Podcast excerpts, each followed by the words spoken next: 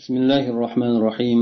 الحمد لله رب العالمين. الصلاة والسلام على أشرف الأنبياء والمرسلين نبينا محمد وعلى آله وصحبه أجمعين. أما بعد إن شاء الله بيجنجه بقرة سورة سورة سودان دوام etib تفسيرimizda ikkinchi porani avvali سيقول السفهاء من الناس ما ولاهم عن قبلتهم التي كانوا عليها. oyatiga kelib to'xtagan edik yuqorida alloh taolo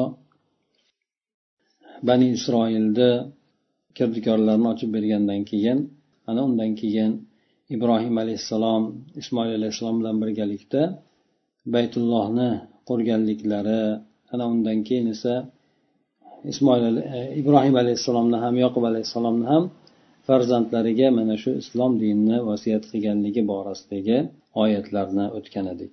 Go'yoki bu yerdagi ibrohim alayhissalomni ismoil alayhissalom bilan birgalikda baytullohni qurishligi hamda o'sha oyatlarda alloh taoloni xolis o'zi uchun qurayotganligini aytib o'tganligi mana bu bizdagi davom etadigan oyatlarga go'yoki kirish qismini e, o'tadi. Bu yerda mana ya'ni odamlardan bir ahmoq bo'lganlari aytishadi deb alloh taolo aytyapti.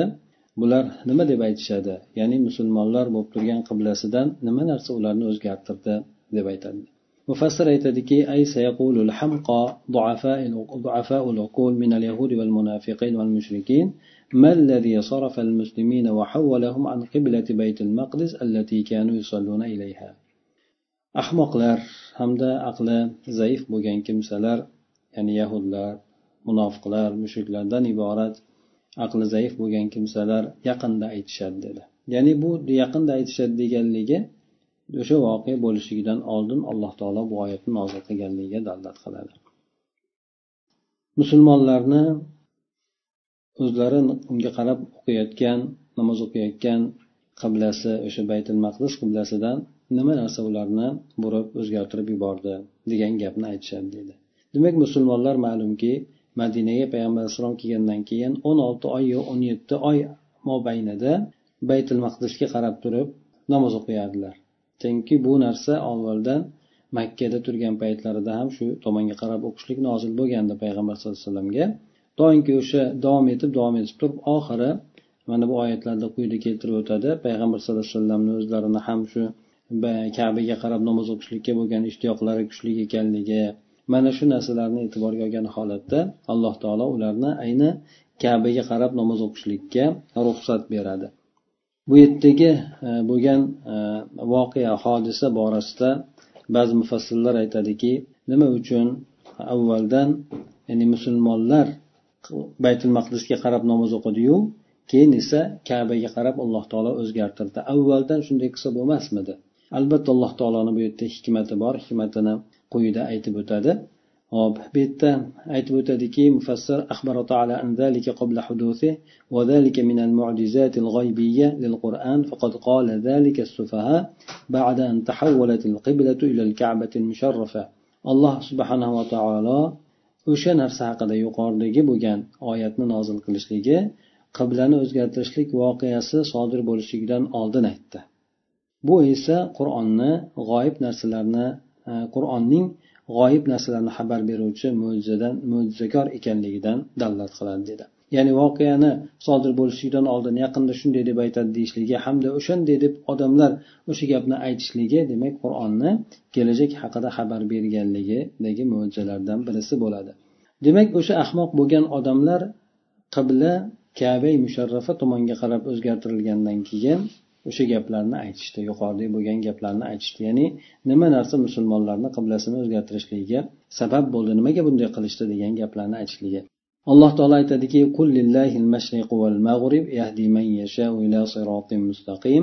ayting muhammad sallallohu alayhi vasallam mashriq ham mag'rib ham alloh taoloni mulkidir alloh taologa xosdir. Demak bu yerda qaysi tomonga qarab o'qilishligi emas balki alloh taolo qaysi tomonga yo'naltirishligi o'sha narsa muhimdir. Bir joyda o'zi zotiga qarab turib u joyni muqaddas qilib olinmaydi. Illo alloh taolo qaysi bir joyni aytadigan bo'lsa o'sha joyga qarab o'qiladi shu joyni muqaddas deb olinadi. Shuning uchun mashriq ham mag'rib ham alloh taoloniki qaysi tomonga qarab o'qishlikni alloh taolo hal qiladi deb ayting ularga dedi. Alloh taolo demak xohlagan kimsalarni to'g'ri yo'lga bu masalada ham to'g'ri yo'lga yo'llab qo'yadi. Mufassir aytadiki aylillahi jalla va ala al jihatu kulluha.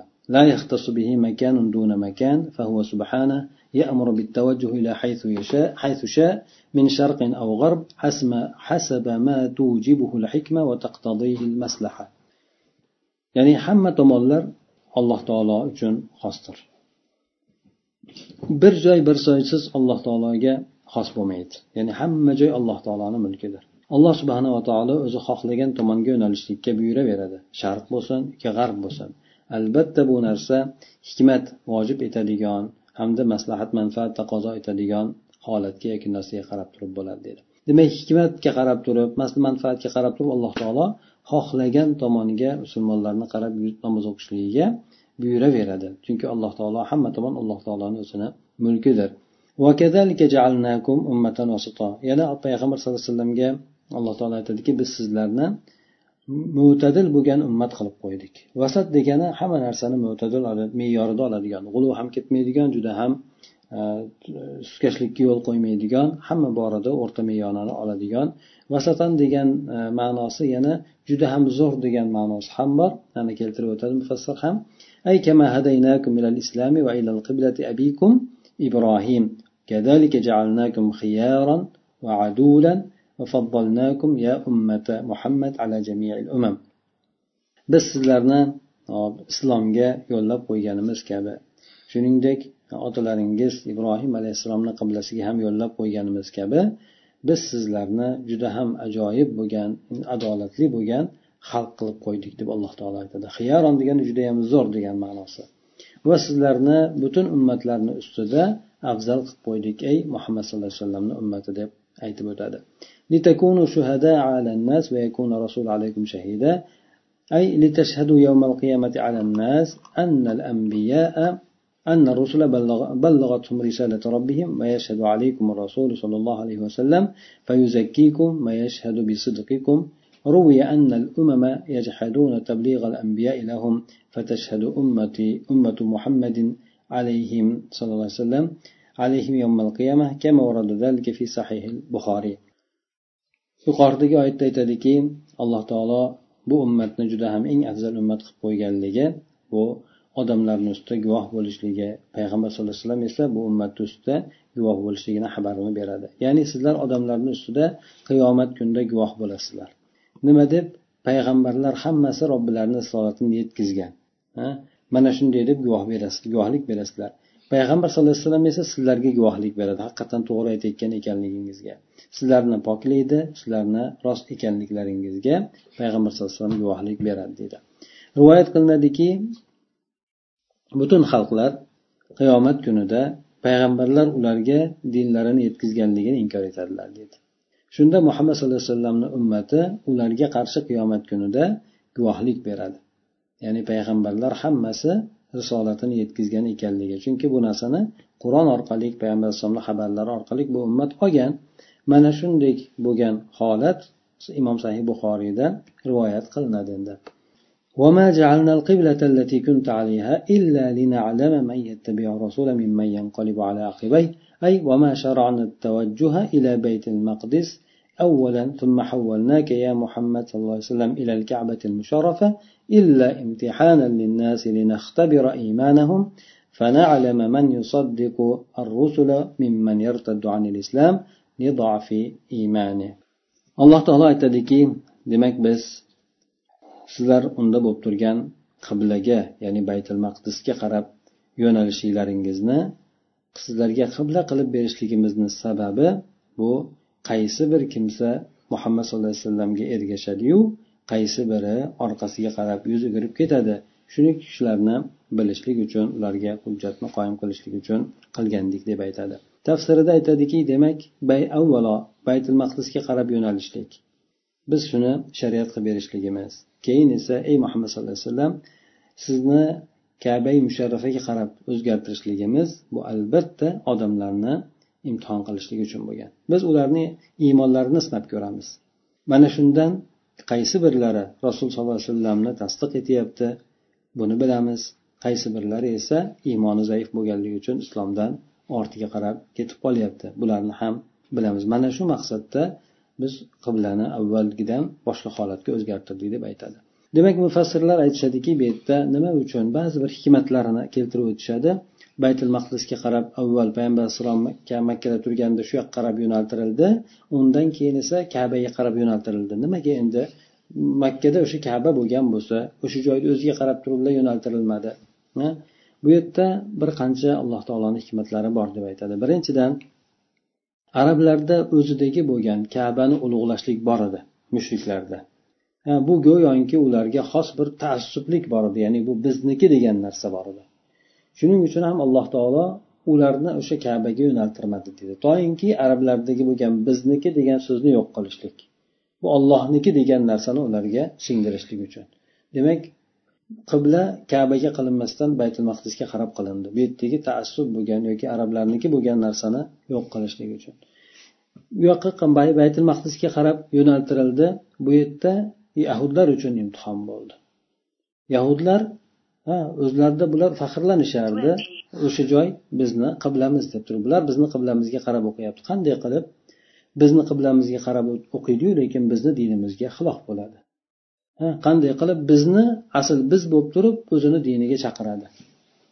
Chunki agar uni dini haqiqatdan to'g'ri bo'lganda biz tomonga qarab yonolmagan bo'lardi. Demak biz tomonga qarab yo'nalib o'qiyaptimi? Buni dini demak o'zi aslida bizni dinimiz asl bu tobe bo'lib kelgan shuning uchun yahudlar bir e, o'zlarini ichlarida bir faxr bor edi mana shu narsa. Ana undan keyin payg'ambar sallallohu alayhi vasallam e, bu alohida bu ummatni hamma narsasi alohida bo'lishligini xohlardi.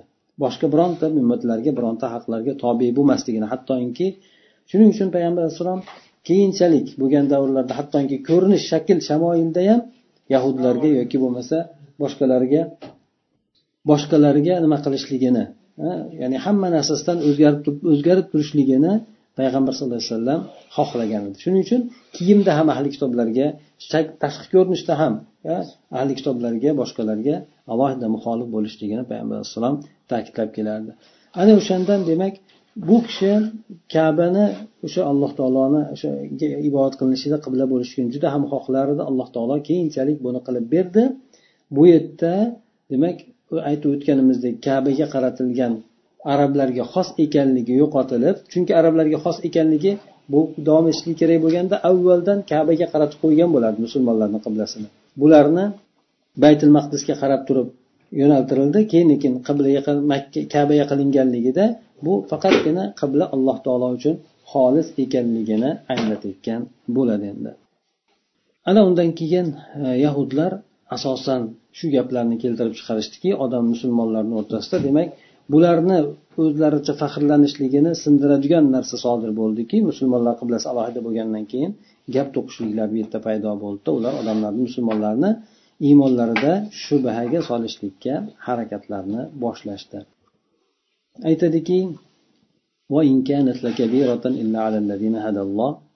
أي وإن كان هذا التحويل لشاقا وصعبا إلا على الذين أنار الله بصيرتهم فعرفوا حكمة التشريع garchi bu narsa qiblani o'zgartirishlik o'zi og'ir bo'lgan narsa bo'lsa ham chunki og'ir bo'lgan ish lekin bu alloh taolo hidoyat qilgan kimsalarga esa bunday og'ir emas deydi ya'ni e, bu tahvil qilishlik qiblani o'zgartirishlik juda mashaqqatli og'ir bo'ladigan bo'lsa ham lekin alloh taolo ongini nurlantirib qo'ygan kimsalarga og'ir qiyin emasdir bularga chunki bular bu yerdagi shariat qilib berilishlik bu qiblani o'zgartirishlikdagi bo'lgan hikmatni anglab yetishdi bular nima uchun demak yuqorida alloh taolo odamlarni imtihon qilishlik uchun hamda odamlardagi bo'lgan ba'zi noto'g'ri bo'lgan tushunchalarni yo'q qilishlik uchun alloh taolo o'zgartirgan edi وما كان الله ليضيع إيمانكم إن الله بالناس لرؤوف رحيم أي ولا يصح ولا يستقيم أن يضيع الله صلاتكم إلى بيت المقدس لأنه شفيق رحيم بالعباد ويروى أنه لما حولت القبلة إلى الكعبة المشرفة قال بعض الصحابة يا رسول الله كيف بإخواننا الذين ماتوا وهم يصلون إلى بيت المقدس؟ فنزلت الآية وسمى الله الصلاة إيمانا ليضيع إيمانكم لأنها أعظم مظاهر الإيمان. alloh taolo bu yerda aytadi alloh بالناس لرؤوف رحيم. Alloh taolo sizlarni iymonlaringizni zoya qilmaydi. Albatta alloh taolo insonlarga mehribon rahmdil bo'lgan zot deydi. Albatta bu gapni ham e, mufassirlar keltirib o'tishadi yahudlar qo'zg'agan musulmonlarga. Agar sizlarni qiblanglar o'zgargan bo'lsa unda avval baytul maqdisga qarab o'qigan namozinglar nima bo'ladi unda bekor bo'libdida deb degan gaplarni tarqatib musulmonlarni qalbiga qayg'u hamda shak shubha solishlikka harakat qilishadi. Alloh taolo mo'minlarni e, ko'nglini xotirjam qilishlik uchun oyat nozil qildiki demak alloh taolo sizlarni iymonlaringizni ya'ni o'sha avvaldagi o'qigan namozlaringizni zoya qilmaydi. Albatta alloh taolo insonlarga mehribon rahmdil zot deb oyat nozil qildi. Ay vala yasih vala yastaqim. Ya'ni alloh taolo sizlarni baytul maqdisga qarab o'qigan namozlaringizni zoya qilishligi durust ham emas to'g'ri ham emas. Sababi o'sha buyruq o'sha tomonga bo'lgandi o'sha paytlarda. Demak u tomonga allohni buyrug'i bilan qarab o'qildi. Keyin qibla o'zgartirilgan taqdirda ham o'sha avvalgilar alloh taoloni buyrug'iga itoat qilgan bo'lib qolaveradi. Chunki alloh taolo zoya qilmasligini sababi bandalarga rahmdil mehribon bo'lgan zotdir. Rivoyat qilinishicha qibla kabai musharrafaga qarab o'zgartirilgan paytida ba'zi sahobalar rasululloh alayhivasallamga kelib aytishdi. Ey rasululloh bizni e, o'tib ketgan ya'ni baytul maqdisga namoz o'qigan holatida bo'lib keyin o'tib ketgan birodarlarimizni holati qanday bo'ladi? Ularni namozlari nima bo'ladi? deb so'rashgan paytida shu yuqoridagi bo'lgan oyat nozil bo'ldi deydi. Alloh taolo bu yerda namozni iymon deb nomladi. Ya'ni iymon deb ya'ni iymoninglarni zoyi qilmaydi degan mazmunda. Chunki namoz iymonni eng yuksak bo'lgan ko'rinishlardan birisidir deydi. قد نرى تقلب وجهك في السماء فلنولينك قبلة ترضاها فولي وجهك شطر المسجد الحرام قد هنا للتكثير أي كثيرا ما رأينا تردد بصرك يا محمد صلى الله عليه وسلم إلى جهة السماء تترقب تحويل القبلة فلنوجهنك إلى جهة تحبها وهي قبلة أبيك إبراهيم فتوجه إلى الكعبة المشرفة alloh taolo bu yerda payg'ambar sollallohu alayhi vasallamni o'sha qiblani o'zgartirishligi umidida juda ko'p alloh taologa e, iltijo qilgan holatda ovozsiz faqat ko'zini o'zi bilan alloh taologa odob saqlagan holatda ko'zi bilan bir ishora qilib osmonga qarardiki toinki o'sha qibla bu tomonga qarab o'zgarsa ekan degan mazmunda. Alloh taolo bu borada oyatni keltirib aytadi. Biz sizni yuzingizni osmonda ko'p aylantirishligingizni ko'ramiz deydi. Biz endi sizni o'zingiz rozi bo'ladigan qiblaga qaratib albatta yo'naltirib qo'yamiz. Siz endi yuzingizni masjidil harom tarafiga qarab buring deb alloh taolo oyat nozil qildi. Bu yerdagi qot kalimasi taksir uchundir. Ko'paytirishlik qot ba'zan ba'zi ma'nosi uchun keladi ba'zan esa uni aksi ko'proq bo'lishligi uchun degan ma'noda keladi. Shuning uchun ko'pincha biz sizni ko'zingizni aylantirishligingizni ko'rardik deydi. Ya'ni osmonga qarab turib ko'zini ko'p o'sha tomonga qarab o'zgartirishligini payg'ambar alayhissalom e, qilar ekanlar. Qiblani o'zgartirishligini kutgan holatda deydi. Shuning uchun bu yerda payg'ambar alayhissalom so'zi bilan uni ifoda qilmasdan balki alloh taologa odob saqlagan holatda ko'zini o'zi bilangina ishora qilib shuni tomonda ilinjida bo'lardilar deydi.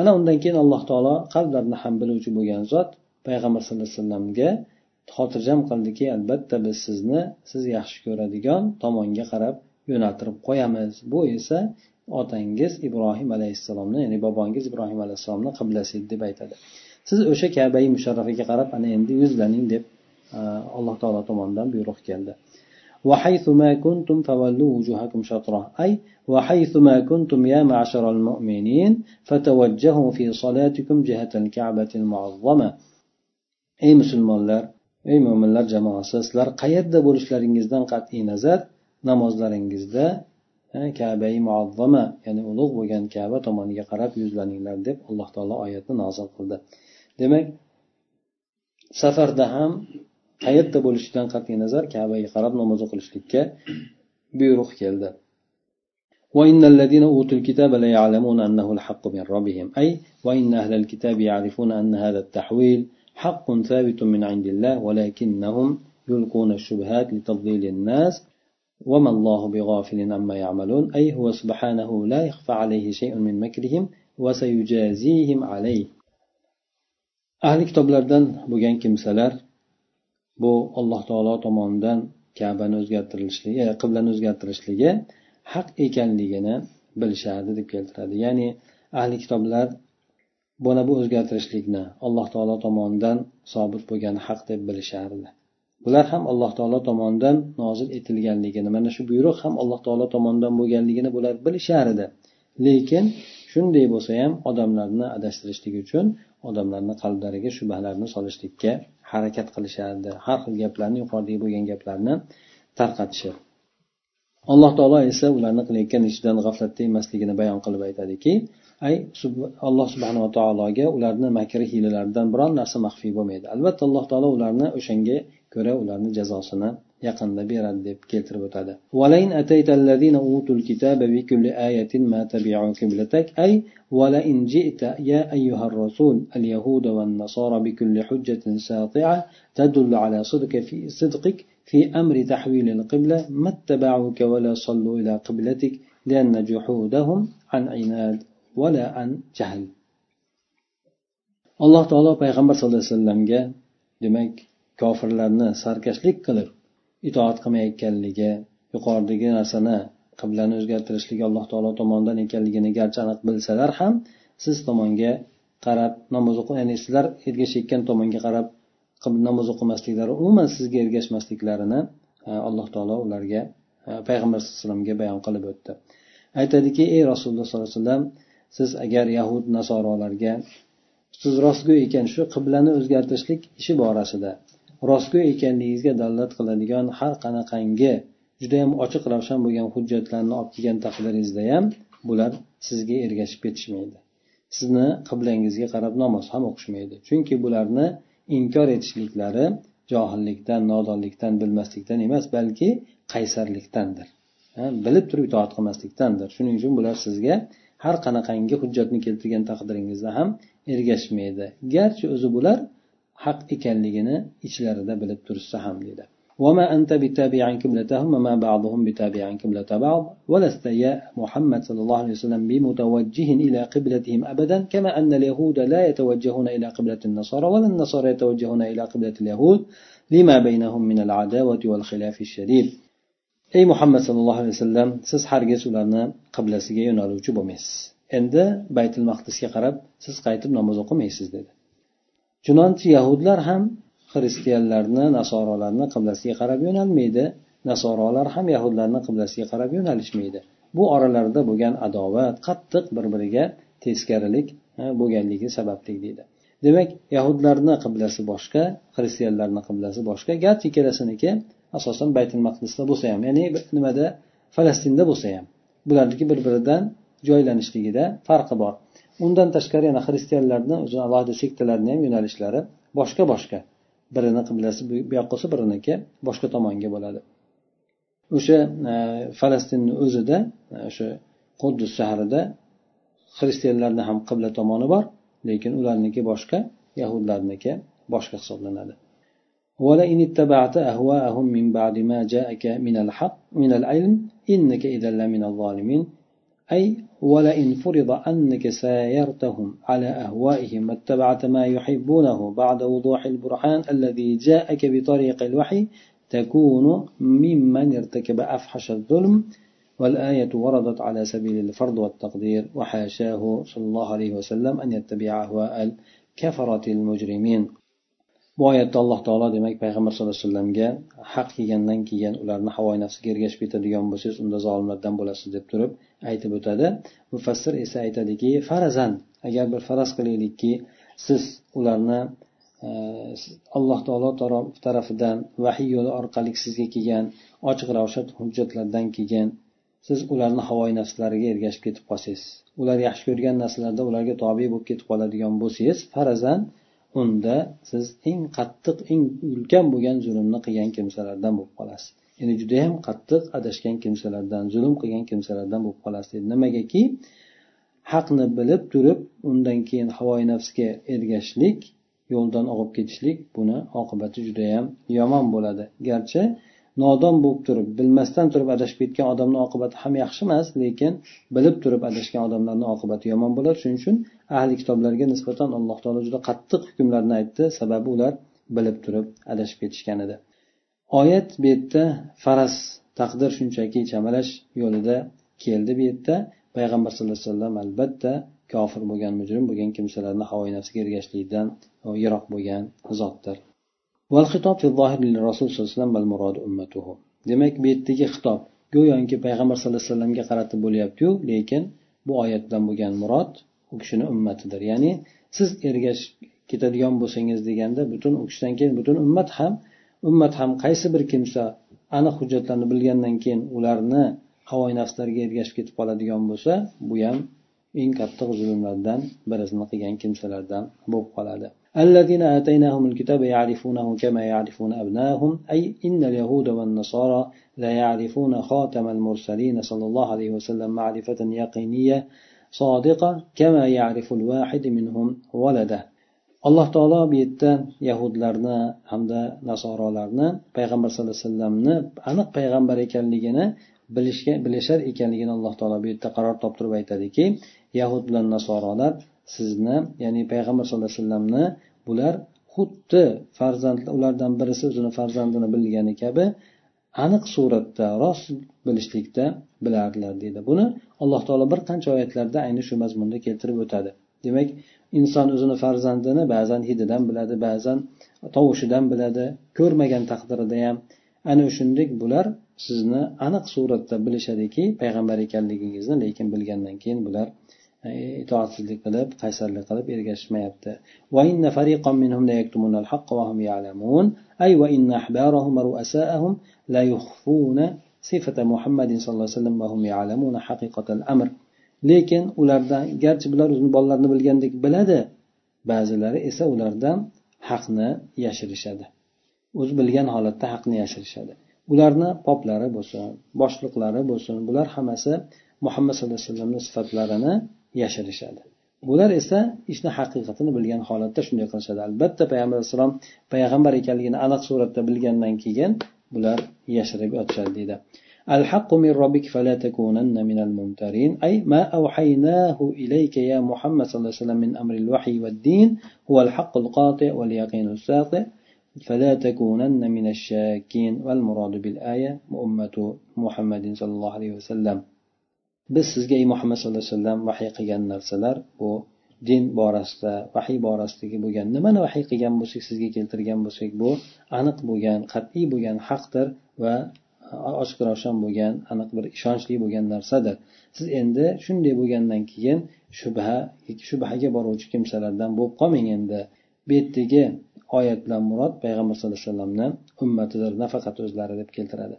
Demak bu alloh taolo bu ummatga haqni ochiq qat'iy bo'lgan suratda nozil qildi ochiq ravshan bo'lgan suratda nozil qildi kimki endi mana shu narsalarni hammasini bilgandan keyin shubhalanuvchilardan bo'lib qoladigan bo'lsa yuqorida aytib o'tgandek juda ham katta bir zulmlarni qilgan bo'ladi ولكل وجهة هو موليها فاستبقوا الخيرات أي ولكل أمة من الأمم وشريعة وقبلة وجههم الله إليها فبادروا وسارعوا ayyuhal mu'minun ila fi'lil khayrat demak alloh taolo bu oyat karimada har bir payg'ambarni ummatiga alohida o'zlarini yo'naladigan tomonlarni qilib berganligi shu to'g'risida bayon qilib aytadiki ummatlardan har bir ummatni o'zini shariati bor qiblasi bor o'zini yo'naladigan tomoni bor.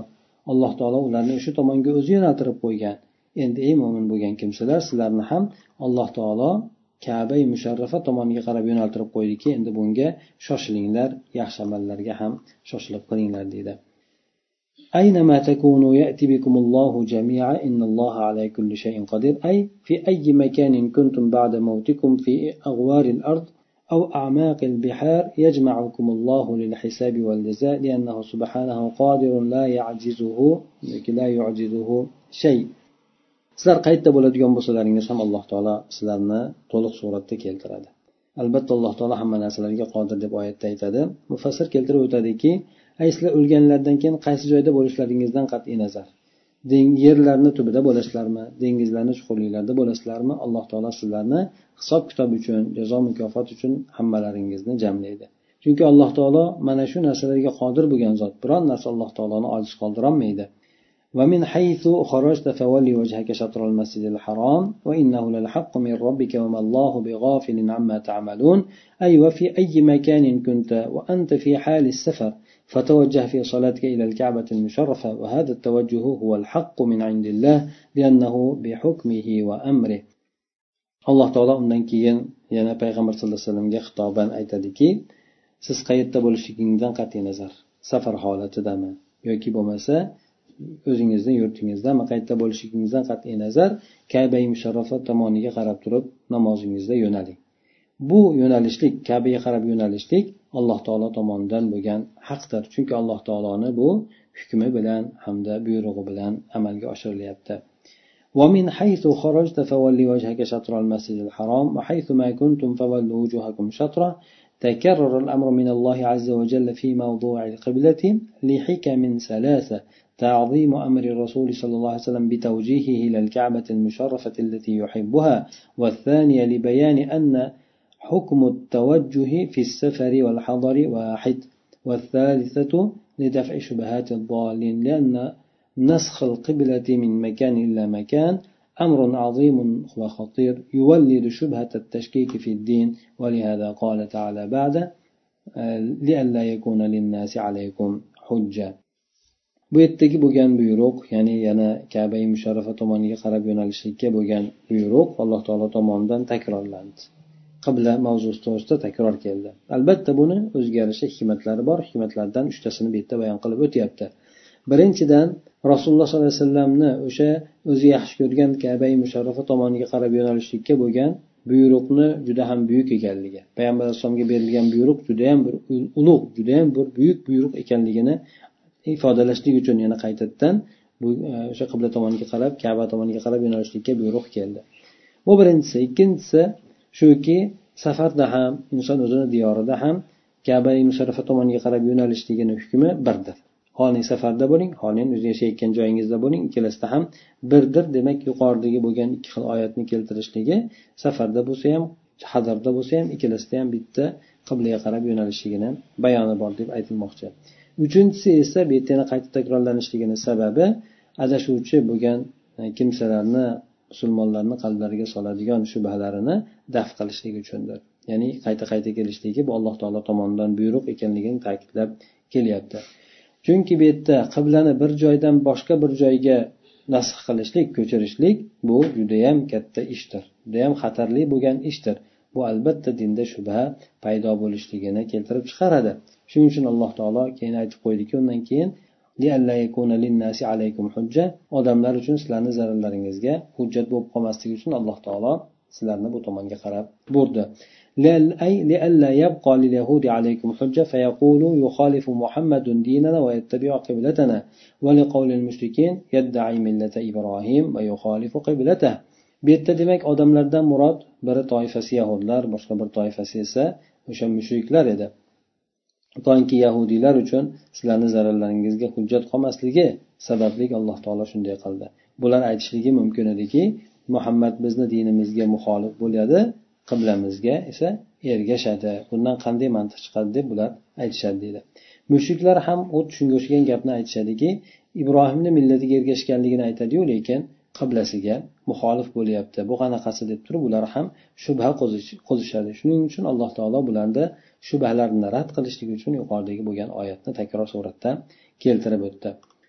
إلا الذين ظلموا منهم فلا تخشوهم واخشوني أي إلا الفسقة فسقة الظالم من الناس الذين يقولون إن محمد صلى الله عليه وسلم يتلاعب بالدين يصلي أحيانا إلى بيت المقدس وأحيانا إلى بيت الحرام يسير اليهود في قبلتهم ثم يرجع إلى دين قومه فيصلي إلى قبلتهم فلا تخافوا أيها المؤمنون هؤلاء الأشرار الفجار وخافوني. lekin bu yerda baribir odamlarni orasida zolim bo'lgan kimsalar bor fosiq fojir bo'lgan kimsalar bor. Ular gapdan tiyilmaydi. Shuning uchun ulardan qo'rqmanglar mendan qo'rqinglar deb alloh taolo aytadi. Demak odamlarni orasida shunday zolim bo'lgan fosiqlari borki bular baribir aytishadi. Muhammad sallallohu alayhi vasallam demak din bilan o'ynashyapti. Bir qarasangiz baytul maqdisga qarab namoz o'qiydi yana boshqa bir holatda esa boshqa bir paytda baytul haromga qarab namoz o'qiydi.